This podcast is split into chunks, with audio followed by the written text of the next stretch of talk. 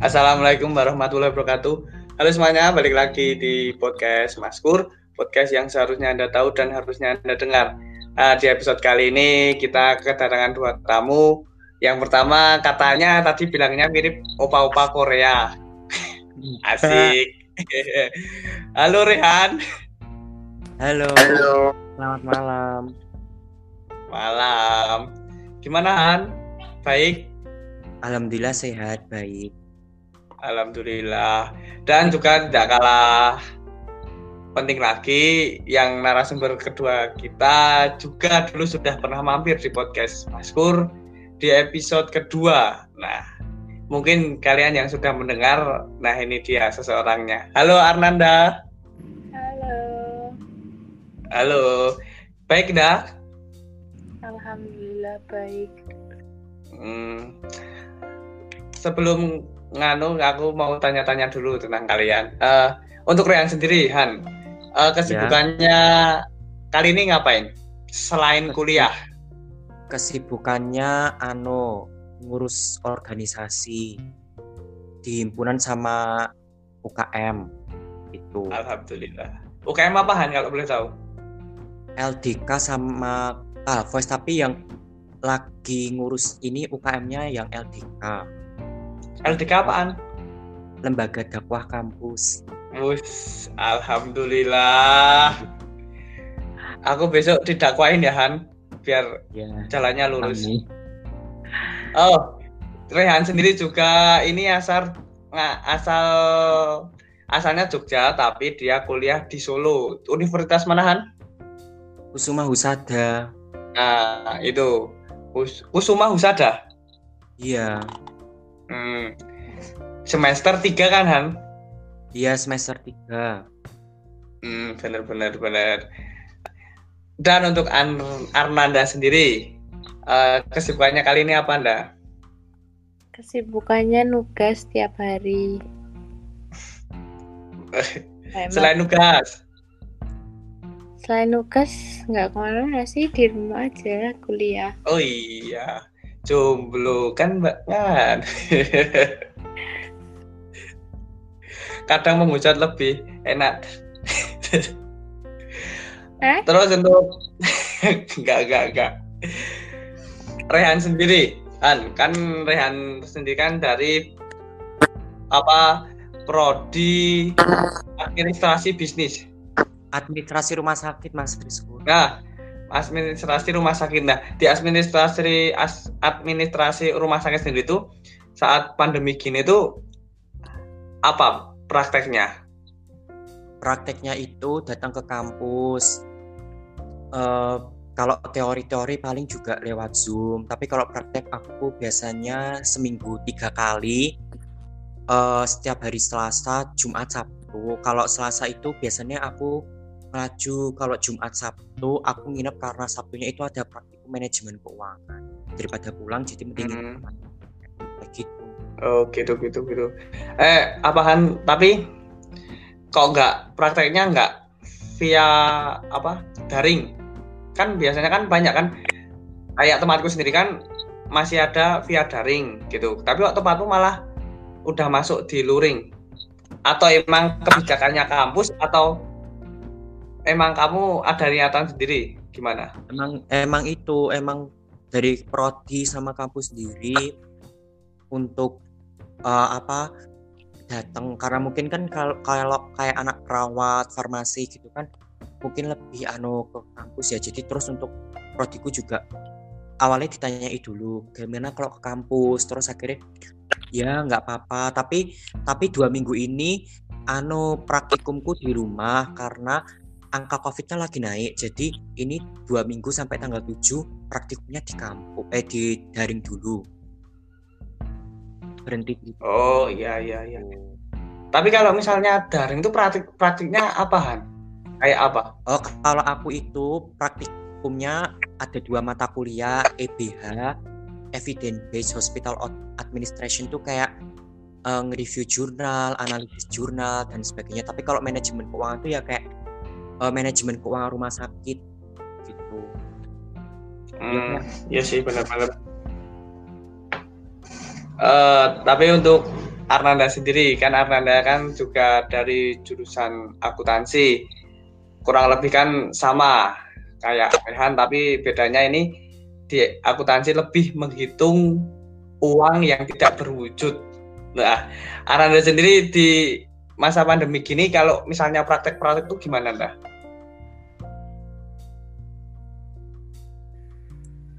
Nggak ada praktek sih masih off. Cuman kayak dikasih materi gitu kayak video. Jadi pengganti praktek biar kitanya paham tanpa praktek tapi ada videonya. Gitu. Oh gitu. Tapi se tapi apa?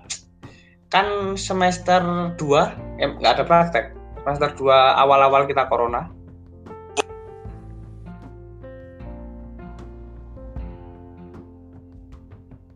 semester 2 nggak ada. Dari semester 2 udah nggak ada praktek cuma semester 1 aja. Tapi kalau akuntansi sendiri itu prakteknya tuh apa tau enggak? ke kalau pengalaman dari semester 1 tuh bikin jurnal. Jadi dari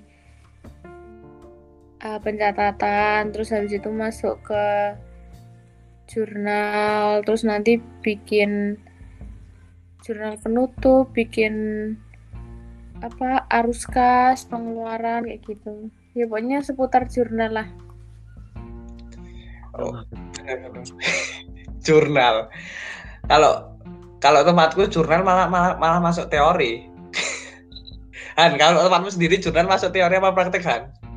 Kalau semester 3 ini kalau masuknya teori sama praktek dua. Oh ya ya ya ya. Tapi udah jadi udah udah, udah bikin jurnal tempatmu juga. baru nge-review kayak analisis metodologiku terus metodologi kayak abstrak itu isinya apa aja kayak gitu sama nyari jurnal internasional nasional Hmm, ya ya benar benar. Fokus gitu Oh ya benar. Tapi Rehan sendiri tuh teman-teman kalau kalian tahu tuh Rehan adalah ketua hima di prodinya yang baru ini. Benar gak Han? iya alhamdulillah Kenapa kamu mau ditunjuk sebagai ketua hima? karena apa ya ya mungkin mau apa ya kayak mencoba gimana sih caranya menjadi seorang pemimpin gitu prodi baru terus juga kan itu juga dikasih amanah dari suatu dosen berarti kan gimana caranya aku tuh eh, bisa nggak sih memikul tanggung jawab itu dan amanah itu Hmm, benar-benar. Tapi kan kalau ketua sendiri nih Han, apa? Apalagi di masa pandemi gini, ka- kalian sebagai ketua kan harus memutar otak, apalagi proker event-event kalian kan banyak yang tertunda. Nah, apa gerakan seba Rehan sebagai ketua ketua hima di masa pandemi gini yang banyak proker yang tidak dijalankan kecuali via online. ya mungkin proker-proker yang masih tertunda mungkin bisa kita alihkan eh, dalam bentuk online. Contohnya ini besok November, insya Allah dari Himars, Himpunan Mahasiswa Administrasi Rumah Sakit, eh, mau mengadakan webinar nasional pengabdian masyarakat dalam bentuk webinar nasional dan pengabdian masyarakat dalam bentuk offline. Offline atau online?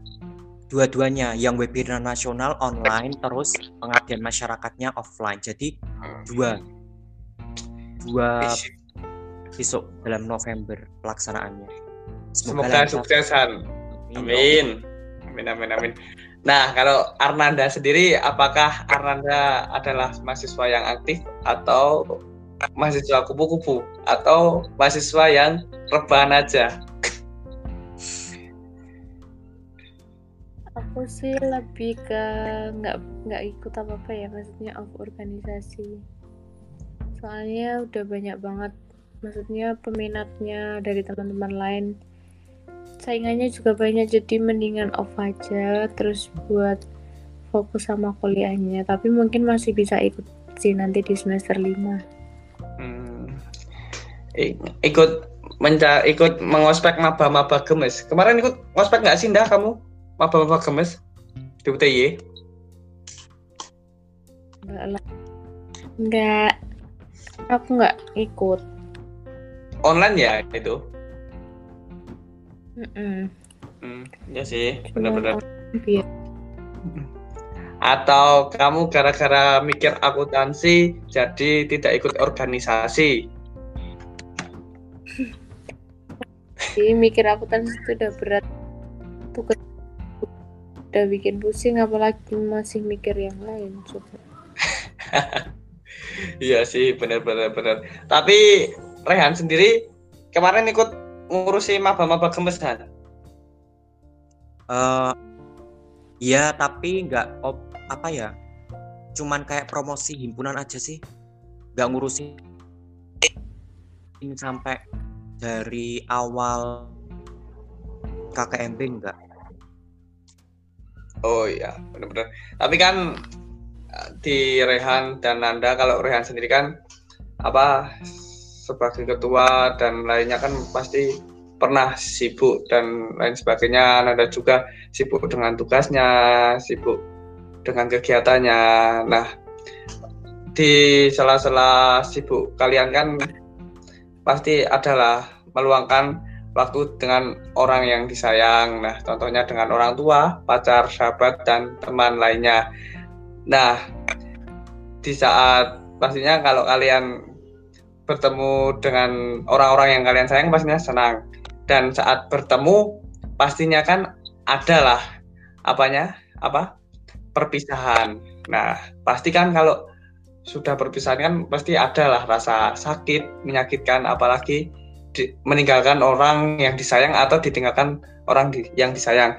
Tapi untuk membahas lebih lanjut tentang perpisahan, aku mau tahu apa itu perpisahan menurut kalian.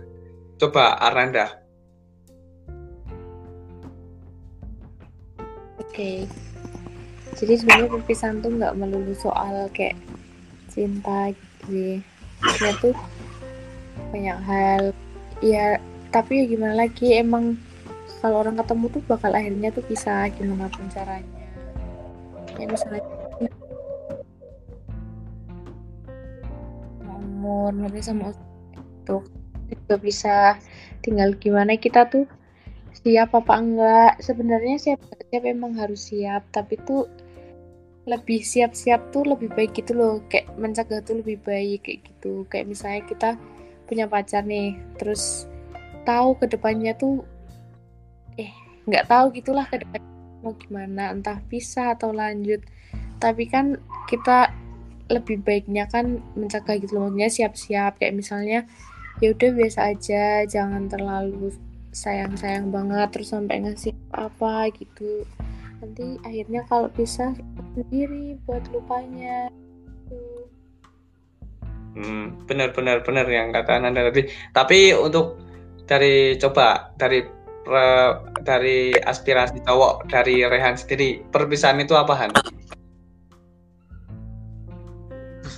kalau menurut saya tuh apa ya perpisahan tuh eh kayak kita tuh malah justru tuh dari perpisahan kita tuh belajar belajar bagaimana sih kita lebih eh, menjalin hubungan silaturahmi kepada orang yang berpisah belum bukan tentu kalau kita berpisah terus kita kayak eh, ya udah langsung hubungannya tuh eh, kayak putus hubungan itu bukan malah justru dengan adanya perpisahan itu kita belajar oh bagaimana sih kita menghargai eh, suatu hubungan dari melalui perpisahan itu Nah, seperti benar itu benar. Eh, tapi kan kalian berdua kan pernah, pasti pernah berpisah kan. Nah, kalau dari Rehan sendiri, berpisah paling menyakitkan itu berpisah dengan siapa Han? Menurut Rehan. kalau kalau Dalam aku- kehidupannya Rehan. kalau mesti ya dari aku kan mesti nggak cuma aku tak sih mesti orang yang kita sayangi kalau aku pribadi dari orang tuaku terutama eh, ibuku karena gimana ya ya karena aku kan sebenarnya itu nggak cuman ibuku aja sih tapi kalau dari prinsipku mungkin orang tua sih kalau semuanya kita berpisah. Maksudnya kalau orang tua berpisah ataupun kita berpisah dari orang tua kan mesti kayak sakit banget. Mungkin pertama keluarga sih. Baru nanti yang kedua teman ataupun pacar dan sebagainya kalau kita punya pacar ataupun ya, kalau saya. Hmm. Tapi kamu punya pacar nggak Han? belum pernah. Aku masih eh, jomblo belum pernah pacaran Eh, tapi ke Arnanda sendiri kan Arnanda kan juga pernah berpisah. Nah, perpisahan yang apa yang berat buat Nanda itu apa?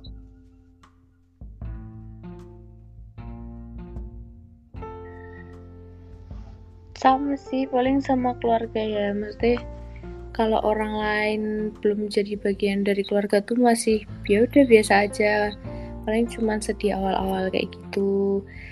Keluarga pertama pasti keluarga terus yang kedua kayak sahabat dekat kayak yang biasanya tuh bareng-bareng kayak gitu mesti tuh sedihnya bakal lebih kerasa dari temen yang biasa aja gitu. Kalau cuman kayak pacar terus cowok lawan jenis atau sama teman biasa tuh ya udah nanti paling cuma sedih berapa hari gitu terus ya udah biasa lagi. Cuman kan kalau keluarga kan mesti setiap hari ada kayak sahabat gitu kan juga mesti setiap hari ada. Terus kalau misal mereka nggak ada kan bakal kerasa banget gitu loh. Hmm iya sih benar benar kalau keluarga emang ya kan emang kita dari kecil dengan keluarga apalagi kita nggak mungkin kan apa lahir dengan tanpa keluarga kan itu im, impossible. Masa kamu meledak sekawatu kan nggak lucu nah tapi kan di di kata perpisahan sendiri kan pasti ada penyebabnya nah menurut kalian tuh penyebab perpisahan itu apa? Rehan dulu deh. Kalau aku ya dari aku pribadi mungkin penyebab dari perpisahan itu mesti belum semua perpisahan itu mengacu pada suatu permasalahan. Bisa jadi karena ya apa ya kita berpisah karena suatu kebaikan juga. Maksudnya kayak mencari titik selah berarti kalau dalam suatu hubungan kayak hubungan suami istri perceraian contohnya gitu ya tapi kalau uh, perpisahan pertemanan mungkin ya penyebabnya mungkin bisa jadi karena pendidikan ataupun apa ya dia harus cari pekerjaan yang layak maksudnya kayak aku man kayak aku ke Solo kamu di Jogja nah kita berpisah ya ya mungkin benar benar benar harmonis juga bisa ya Uh, ya benar-benar. Tapi kalau menurut Nanda sendiri apa yang penyebab perpisahan menurut kamu, dah? Iya banget sih sebenarnya tergantung sama siapa ya. Jadi sama keluarga itu karena umurnya emang pasti ya semuanya itu pasti lalu. Cuman kalau sama keluarga itu lebih kuat umur. Tapi kan itu kalau sama keluarga itu pisahnya itu karena ya, walaupun kita tahu, nanti bakal balik lagi tapi kalau sama orang lain tuh bisa aja karena ya salah paham atau mm-hmm. uh, lebih ke keluarga kalau keluarga tuh lebih ke waktu. Maksudnya tuh biasanya kan kita kan kalau bisa sama keluarga kan karena orangnya meninggal gitu loh. Walaupun kita tuh jauh tapi mesti nanti tuh bakal balik ke rumah. Misalnya kita merantau nih terus kita pisah tapi kan kita bakal balik ke rumah endingnya. Cuman kalau sama temen teman sama lawan jenis gitu kan kadang lebih seringnya pisah gara-gara nggak cocok kalau nggak gara-gara salah paham gitu. Ya intinya nggak cocok gitulah. Makanya kadang kita tuh harus hati-hati gitu kalau bicara atau ngelakuin hal ke orang lain. Karena kadang kita tuh mikir itu baik tapi belum tentu orang tuh mikirnya tuh pengen kayak yang kita pikirin gitu. Loh jadi benar, nanti benar. perpisahan gitu. Hmm. tapi tapi tapi benar kata Nanda tadi kan kalau misal sahabat atau pacar sendiri itu lawan jenis itu kadang berpisah cuma karena nggak cocok. Nah menurut kalian untuk menghadapi yang ketidakcocokan itu gimana? Rehan dulu. Ketidakcocokan dari sahabat tidak cocokan dari lawan jenis Gimana Han menurutmu? Kalau aku ya sempatnya nggak nggak apa kita nggak cocok sama teman ataupun sahabat atau pacar gitu mungkin ya karena ya banyak yang bilang aku pernah dengar kayak nggak satu frekuensi gitu mas. Nggak satu frekuensi itu uh, kayak pola pikir yang dia pikir sama kita maksudnya uh, kayak apa ya kecocokannya itu bisa jadi nggak sama bisa ya bisa jadi dari situ. Jadi kita ngerasa kayak nggak nyaman terus dari situ akhirnya ya itu menimbulkan ketidakcocokan dalam dalam suatu apa ya lingkup uh, pertemanan ataupun uh, hubungan asmara. Hmm. Kalau Arnanda sendiri gimana dah? Cara mengatasi apa tadi? Yang kayak persahabatan dan atau lawan jenis yang ketidakcocokan dan akhirnya menghasilkan berpisah gitu. Oh, gimana ya? Uh, namanya manusia tuh mesti ada kurang sama lebihnya. Jadi tuh nggak ada yang 100% cocok gitulah kalau menurutku sih tergantung kitanya sendiri misal kita punya hubungan sama orang lain terus kita nemu salah satu yang nggak cocok nih di antara hubungan aku sama dia misalnya kayak gitu.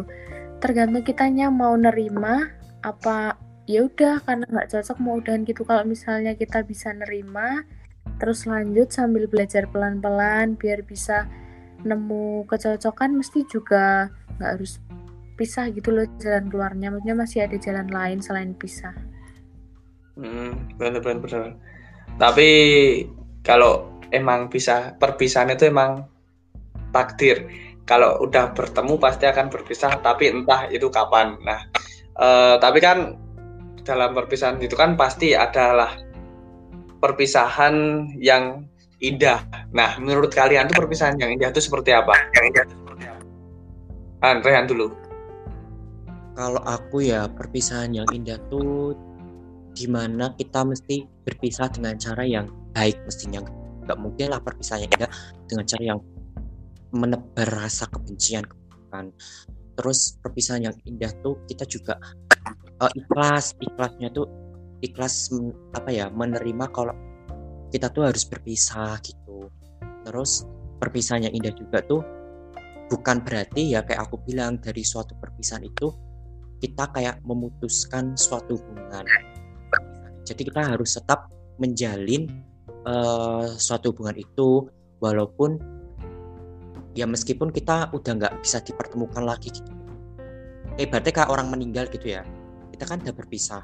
Berarti kan kita gimana sih cara menjalinnya hubungan kan nggak mungkin ya. Berarti kita bisa mendoakannya. Nah, tetap apa ya?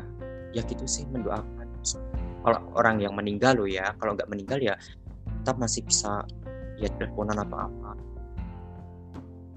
benar benar nah kalau Ananda sendiri gimana perpisahan yang indah itu seperti apa? Kalau aku sih sebenarnya nggak ada sih perpisahan yang indah. Mesti awalnya nyakitin tapi kadang tuh ada yang karena kita tuh pisah sama orang jadi kita tuh belajar gitu loh. Kayak tadi yang kata Rehan Pers itu dari perpisahan tuh bakal ada pelajaran yang bisa diambil.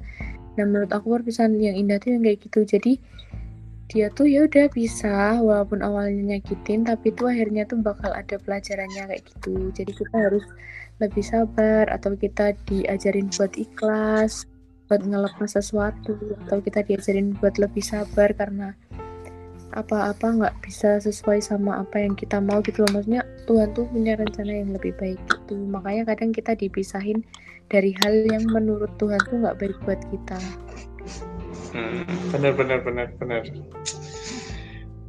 uh, tapi kalau ngomongin perpisahan pasti ada kata-kata berpisah dan lain sebagainya uh, tapi sebelum apa kita membahas tentang perpisahan lebih dalam lagi, aku mau tanya uh, tentang sedikit romansa.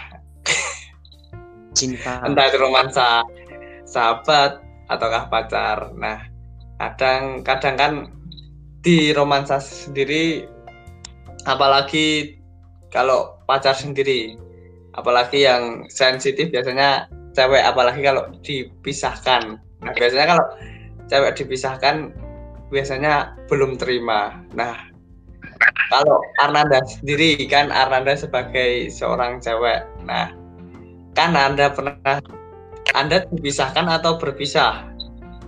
Nah Ah? Anda dipisahkan atau berpisah? Dipisahkan pernah, berpisah pernah. nah menurut kamu sendiri kan pasti ada untuk cara mengatasi itu. Apa yang untuk cara mengatasi itu sendiri? Apalagi tentang pacar. Nah kalau tentang pacar sendiri kan kadang cewek agak sensitif. Coba dah. Kalau misal kita dipisahkan ya, maksudnya eh, misalnya doi kita yang minta udahan gitu. Menurut aku nggak apa-apa kalau emang dia menurut dia pisah tuh jalan terbaik nggak apa-apa. Walaupun awalnya tuh kadang mesti ya semua cewek nih nggak nggak cuma aku tapi sebagian cewek tuh bakal nggak bisa terima. Kalau misalnya dia tuh tiba-tiba ya udah diudahin gitu. Ada yang kadang pisah tanpa sebab. Sebenarnya ada sebab cuman nggak ngomong aja. Katanya biar nggak nyakitin lah apalah. Nggak usah dilanjut makanya "Nak, aku tuh nggak bisa bagian kamu. Kan kadang bicaranya kayak gitu ya. Tapi tuh sebenarnya maunya cewek tuh bukan kayak gitu. Kalau misalnya nggak cocok tuh ya ya udah dibenerin bareng-bareng gitu. Diperbaikin bareng-bareng biar nemu kecocokannya gimana. Jangan sampai pisah. Terus kalau untuk yang misahin kadang tuh sebagai cewek sendiri nih di kaum cewek. Cewek bener tinggalin cowok tuh pasti punya alasan lah. Nggak mungkin kayak cuman ah bosen pengen nyobain yang baru. Nggak sih cewek mah nggak kayak gitu. Dia tuh pasti kalau mau ninggalin orang pikirnya sampai dalam banget. Soalnya tahu kenapa karena kalau kita udah ninggalin orang maksudnya cewek yang ninggalin tuh susah buat balik lagi tuh susah kecuali kalau kita ditinggalin. Nanti kena rayuan aja udah balik lagi. Cuman kalau kita yang ninggalin tuh cewek tuh bakal mikir berkali-kali bisa aja cewek itu ninggalin cowok karena emang cowoknya tuh ya Allah ya udah bandel kayak gitulah nggak bisa dibilangin. Apa misalnya cowoknya genit welcome sama semua orang gitu kalau menurut aku sih. Benar-benar benar tapi kalau seseorang yang berpisah apalagi dalam pacar. Biasanya kalau orang yang berpisah setelah berpisah tuh dirinya akan menjadi lebih apa ya lebih mengupgrade diri dari dari orang dari sebelumnya. Biasanya kan seperti itu.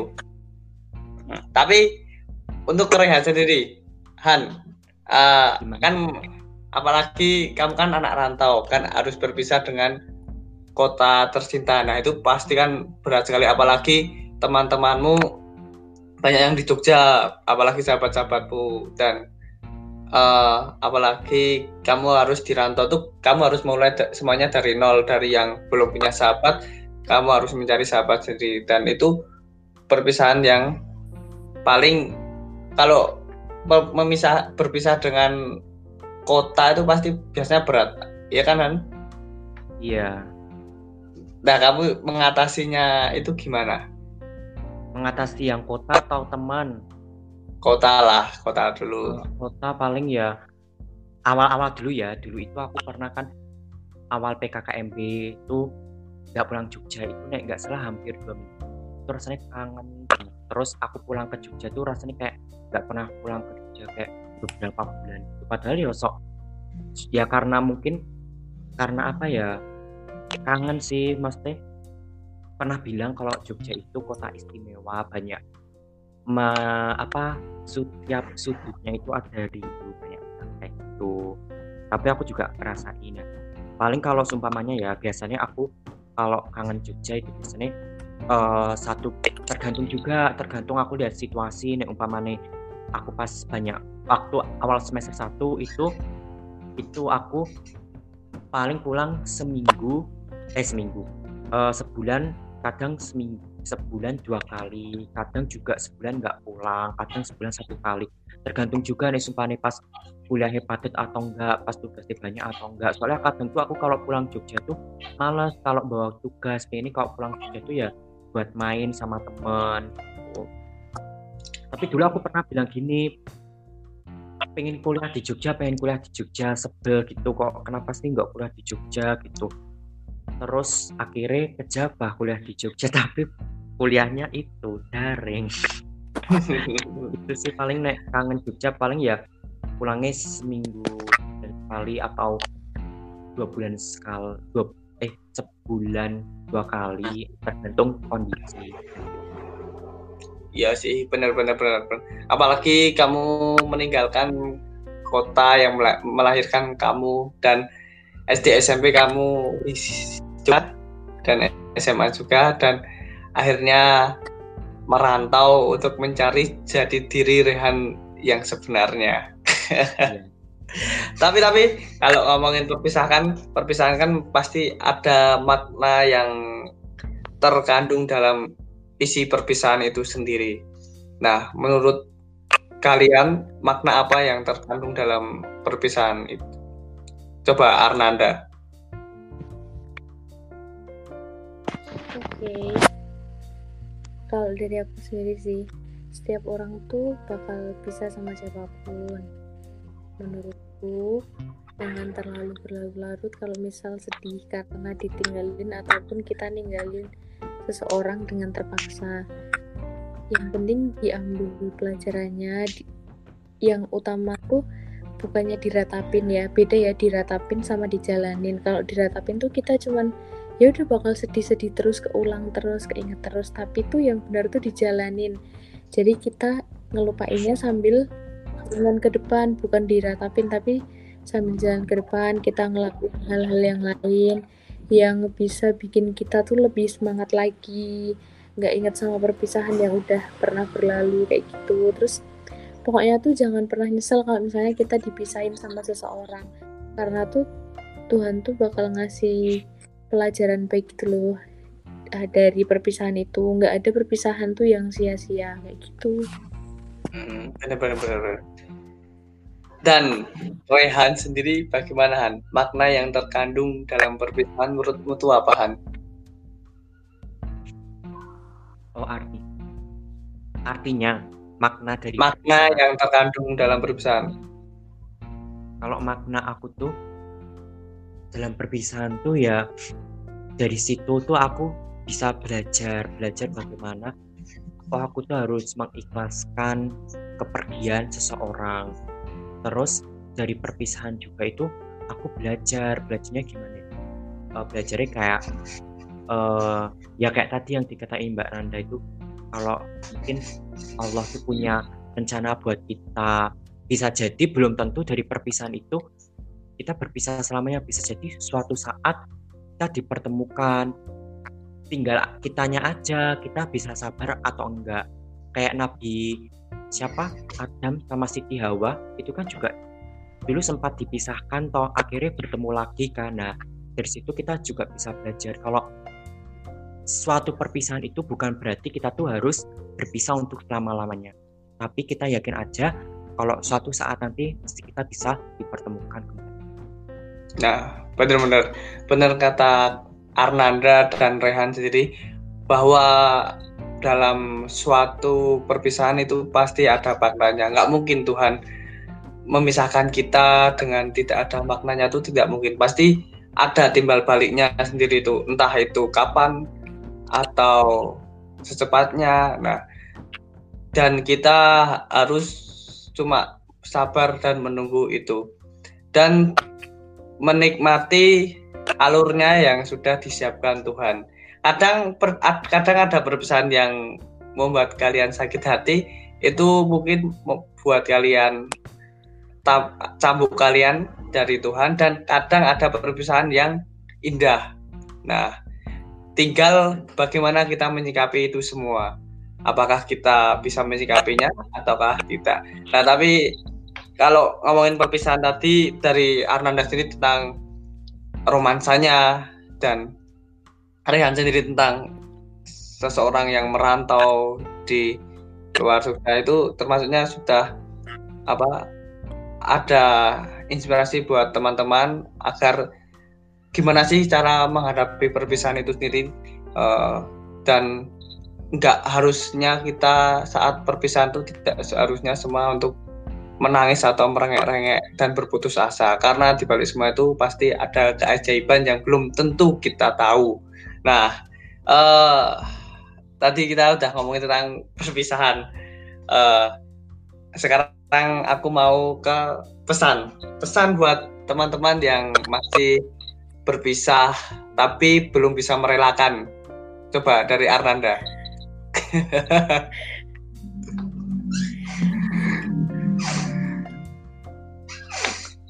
baru kalau belum belum karena ditinggal siapa. Suara mau Ada, kayak gitu. Ada suara. nah buat teman-teman semuanya yang lagi sedih pokoknya yang lagi ngerasa terpuruk banget karena pisah sama seseorang yang menurut kalian tuh berharga entah itu keluarga temen ataupun pacar ataupun siapa pun aku nggak tahu ya pokoknya. Aku pernah ngalamin ditinggal sama orang. Bener-bener awal awalnya tuh emang sakit banget. Nggak bohong sih sebenarnya. Sakit banget. Tapi itu balik lagi jangan diratapin kita harus jalan ke depan pelan-pelan sambil ngelupain sambil cari hal-hal yang bisa nyenengin kita sampai kita tuh lupa sampai kita tuh bisa senyum lagi pokoknya kata semangat. Kalaupun kita ditinggalin belum tentu kita itu buruk. Bisa aja dia yang emang dia aja yang kurang syukur kayak gitu loh. Maksudnya pengennya yang lebih terus padahal udah dapet yang sempurna kayak kalian. Tapi tuh emang dianya aja yang nggak bisa bersyukur jadi ninggalin kalian. Misal kalian ditinggalin pacar kalian kayak gitu kalian jangan pernah mikir ah mungkin aku kurang kurang cantik kurang gimana? Nggak ada yang kurang. Cuman emang orangnya aja yang nggak bersyukur. Jadi kalau misalnya kalian ditinggal kalian jangan digalauin karena itu nggak pantas buat kalian. Gitu.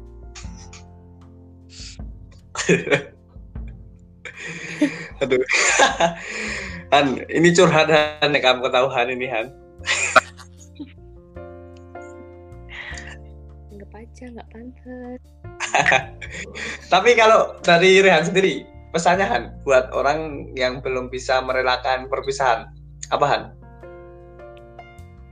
teruntuk teman-temanku ataupun yang mendengarkan podcastnya Mas Rizkur, aku mau berpesan buat kalian yang eh, belum bisa merelakan kepis- perpisahan itu, kalian harus mulai belajar, mesti tetap belajar. Ujungnya belajar mengikhlaskan suatu perpisahan itu. Eh, dengan adanya perpisahan itu kita juga menjadi eh, kuat, kuatnya itu maksudnya hati kita jadi kayak tangguh. Tangguhnya awalnya emang sakit banget tapi lama-lama kita mesti bakalan tahu hikmah di balik eh, perpisahan itu kayak contohnya aku aku emang nggak belum pernah sih ngerasain cinta kayak mungkin berpisah dari eh, kota kayak aku harus pindah ke Solo mungkin ya ya mungkin kalian rasainnya kayak kenapa sih harus sekolah jauh-jauh padahal sekolah di sini tuh banyak emang. Tapi kita tuh melatih kemandirian kita kita juga harus bagaimana baru kita. Bagaimana ya kita kalau kita tinggal di ruang lingkup yang berbeda tuh kita bisa nggak sih beradaptasi dengan mereka? Kita mencari eh, karakter-karakter dari seseorang yang berbeda. Jadi eh, kalian jangan eh, sia-siakan eh, masa depan kalian hanya karena eh, menyesal karena yaitu dari suatu perpisahan itu. Pokoknya kita eh, apa ya harus eh, rela rela dalam ini tuh kita harus berjanji sama diri kita kalau kita nggak boleh menyanyiakan diri kita hanya karena suatu perpisahan. Karena kalau kita yakin aku yakin mesti suatu saat dari perpisahan aku mesti dapat eh, suatu makna atau eh, ya hikmah dari dari perpisahan ini. Kita tinggal nunggu waktunya aja dan sabar. Insya Allah mesti bakal indah pada waktunya gitu. Nah, benar benar benar benar. Kita tinggal menunggu alurnya saja yang sudah direncanakan oleh Tuhan dan kita menjalankannya saja. Nah, tapi eh, untuk uh, kan ini 2020 udah mau berakhir. Ada nggak sih dari Rehan sama Aranda sendiri goals yang belum tercapai di 2020 ini? Rehan dulu. Kalau aku ya goals yang belum tercapai banyak banget sebenarnya karena aku ngerasa kayak untuk mencapai suatu pencapaian itu membutuhkan satu usaha. Dan aku ngerasa kayak itu masih uh, belum makin jadi aku berharap di tahun 2021 ya aku bisa lebih komah tentunya. Karena aku tuh masih susah banget itu karena kan kalau kita ingin mencapai uh, suatu keberhasilan ya kita kan harus komitmen kita harus istiqomah dengan apa yang ingin kita capai. Betul betul betul kalau Arnanda sendiri apa anda? Goals yang belum tercapai? Kalau aku sih uh, sama ya masih belum bisa kayak deket sama Allah terus kayak gitu. Kadang kalau pas seneng lupa. Nanti pas sedih kayak gitu baru datang mohon-mohon baru keingat. Kadang kayak gitu sih. Harusnya sih nggak boleh lupa walaupun senang ataupun susah. Karena ya emang yang ngerti kita tuh cuman ya udah Allah cuman Allah aja yang ngerti kita jalan hidup kita gimana. Kita cerita ke orang pun belum tentu orang itu mau ngertiin kita kayak gitu siapa pun orangnya. Itu sih kalau aku. Ya sih benar benar benar benar. Uh, tapi rencanahan untuk dari universitasmu masuk masuk offline kapan Han? Kalau kemarin dosenku itu bilang uh, kalau nggak salah tahun depan, cuman nggak tahu bulannya kapan. Tapi menurutku nggak dang masuk wae sih, soalnya kan wis praktikum praktikum offline bareng tau ngapa lo kesuwen kesuwen. Nah aku ki lo, kesel lo bolak balik Jogja Solo ki, ya ampun ya nggak apa-apa kan sehat Sehat sih Tekor kamu kan nggak nggak bawa virus toh kamu kan Insya Allah nggak nggak nggak nggak. Aku ya deg-degan ya saya kiki sekarang tuh ya banyak banget ya kayak teman-teman tuh ya. Kira cuci tangan aku mikir ah bu males masuk. Ah ya wes lah. Maksudnya kayak wes wes males gitu loh. Jadi kayak ibaratnya wes antara pasrah dan ikhtiar tuh wes seimbang. Jadi menurutku ngono. Kita kan udah berusaha awal-awal toh nah saya kira iya, pasrah wae bener-bener. Tapi kalau UTY sendiri gimana anda masuknya tahun depan juga atau gimana?